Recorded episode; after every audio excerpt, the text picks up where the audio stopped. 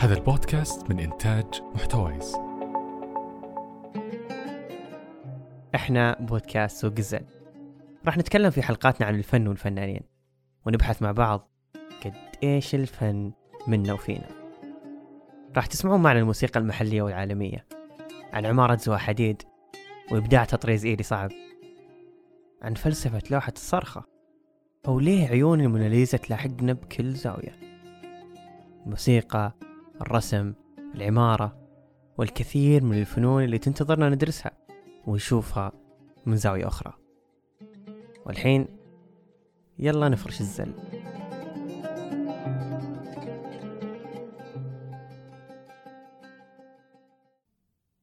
يقول ابن عربي ما في الوجود إلا محب ومحبوب. هكذا تحدث. وهكذا أمن المتصوف من قبله ومن بعده أن المحبة طريقة والحبيب طريق.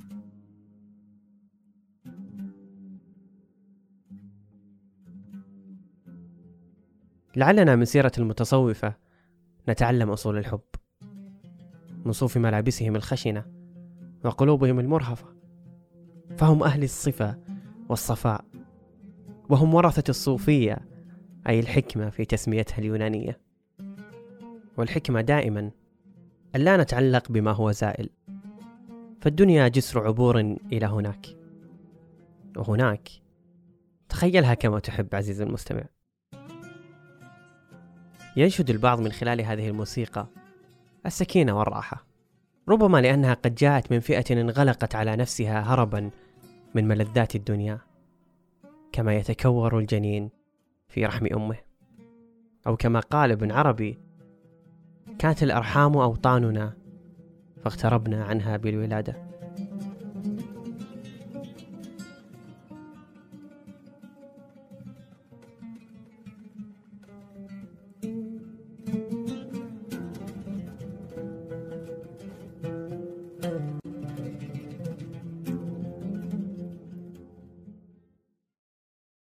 أهلا.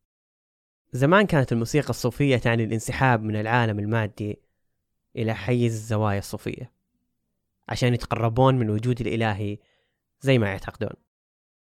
وهذا يعني الحب المطلق والحب اللامتناهي. يقول جلال الدين الرومي عن علاقته بالموسيقى الصوفية هناك طرق عديدة تؤدي إلى الله وقد اخترت طريقي إلى الله بالموسيقى.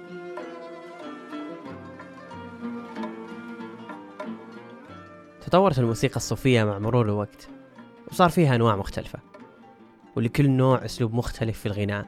لكن عشان نوضح لكم أكثر مسيرة الموسيقى الصوفية هي تنقسم لقسمين القسم الأول الموسيقى الصوفية التقليدية اللي هو الإنشاد في حلقات الذكر. وهذا النوع ينتشر كثير في بعض الدول الإسلامية.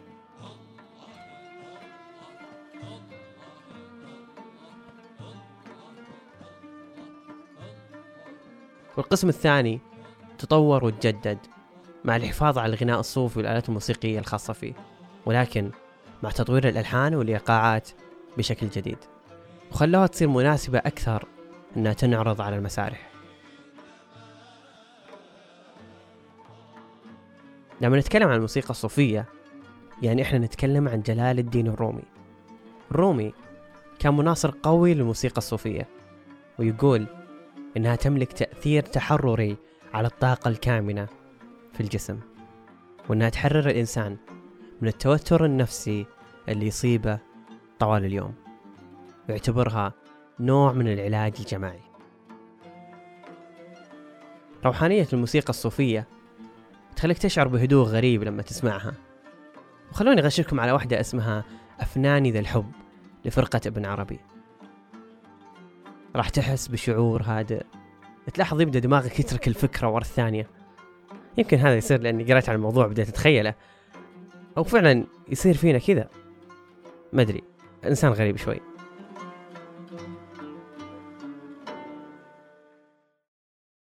ذكرنا في البداية أن الموسيقى الصوفية تعددت أساليبها بين التقليدي والمتطور. خلونا نشوف كيف كانت وكيف صارت.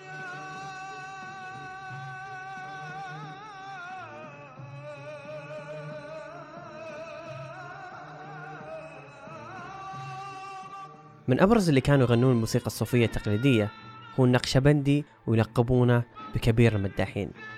والمداح هو الشخص اللي يغني الصوفية. من كان صغير وكان يغني مع أبوه في حلقات الذكر. وكبر على هذا المنوال حتى صار المغني الرئيسي وصار يسجل أعماله في الإذاعة المصرية. وتقديرا له سموا الطريقة اللي يغني فيها الطريقة النقشبندية وهي أداء مع آلة القانون فقط. والمغني الثاني اللي له بصمة في الموسيقى التقليدية الصوفية هو أحمد التوني واحد من أشهر المداحين في مصر وكان ما يتبع طريقة معينة في غنائه لكن كان يركز على الكلمات بدل الألحان كان يغني بشكل عفوي وارتجالي.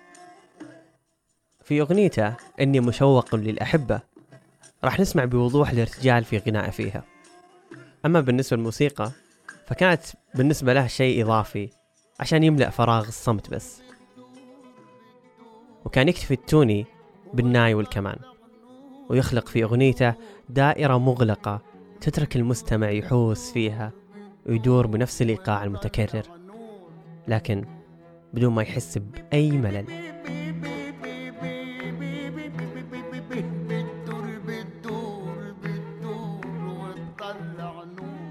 والطريقة التقليدية الثانية اسمها المولوية. وجلال الدين الرومي هو قائد هذه الطريقة. هذه ممكن هي أشهر طريقة عندنا لأنها دائما مرتبطة بالصوفية لما أحد يجيب طاريها على طول نتخيل المزامير والطبول المؤدين اللي يلبسون ملابسهم الخاصة. برقصتهم اللي على شكل دائرة ما توقف أبدا. كأنها ثقب أسود يوصلك للإيمان. مع القبعات الطويلة اللي يسمونها الكلاه.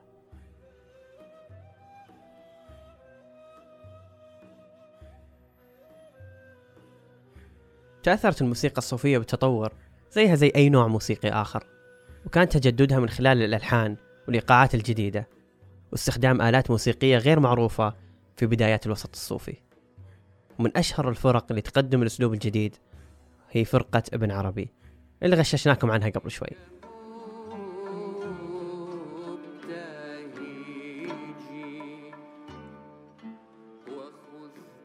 تميزت فرقة ابن عربي عن غيرها من الفرق الصوفية بأن طريقتها الموسيقية غير مسبوقة. محافظين على الروح الصوفية بس بنفس الوقت أدائهم جمالي بشكل رهيب.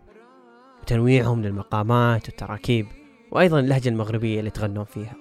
وهي الغناء بالفصحى والوقوف شوي بين كل شطر وشطر. في فرق صوفية غيرهم لكننا متحيزين شوي لهم. ليه؟ خلونا نسمع.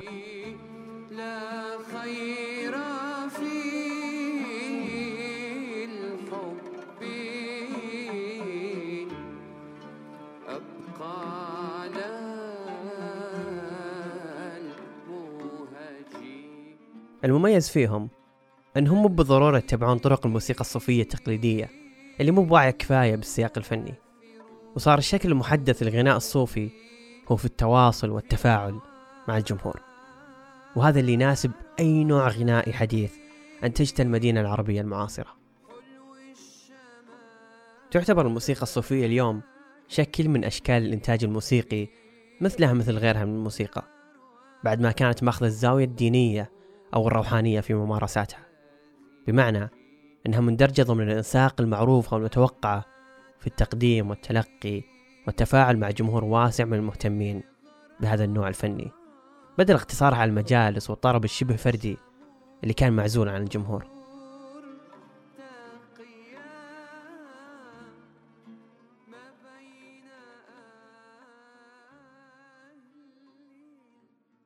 ظهرت الموسيقى مواكبة للفطرة الإنسانية في الانسجام مع الإيقاعات والأنغام وتطورت خلال ارتباطها بالسحر والمعابد القديمة واستخدامها في المعابد على نطاق واسع لتأدية الطقوس الدينية المختلفة.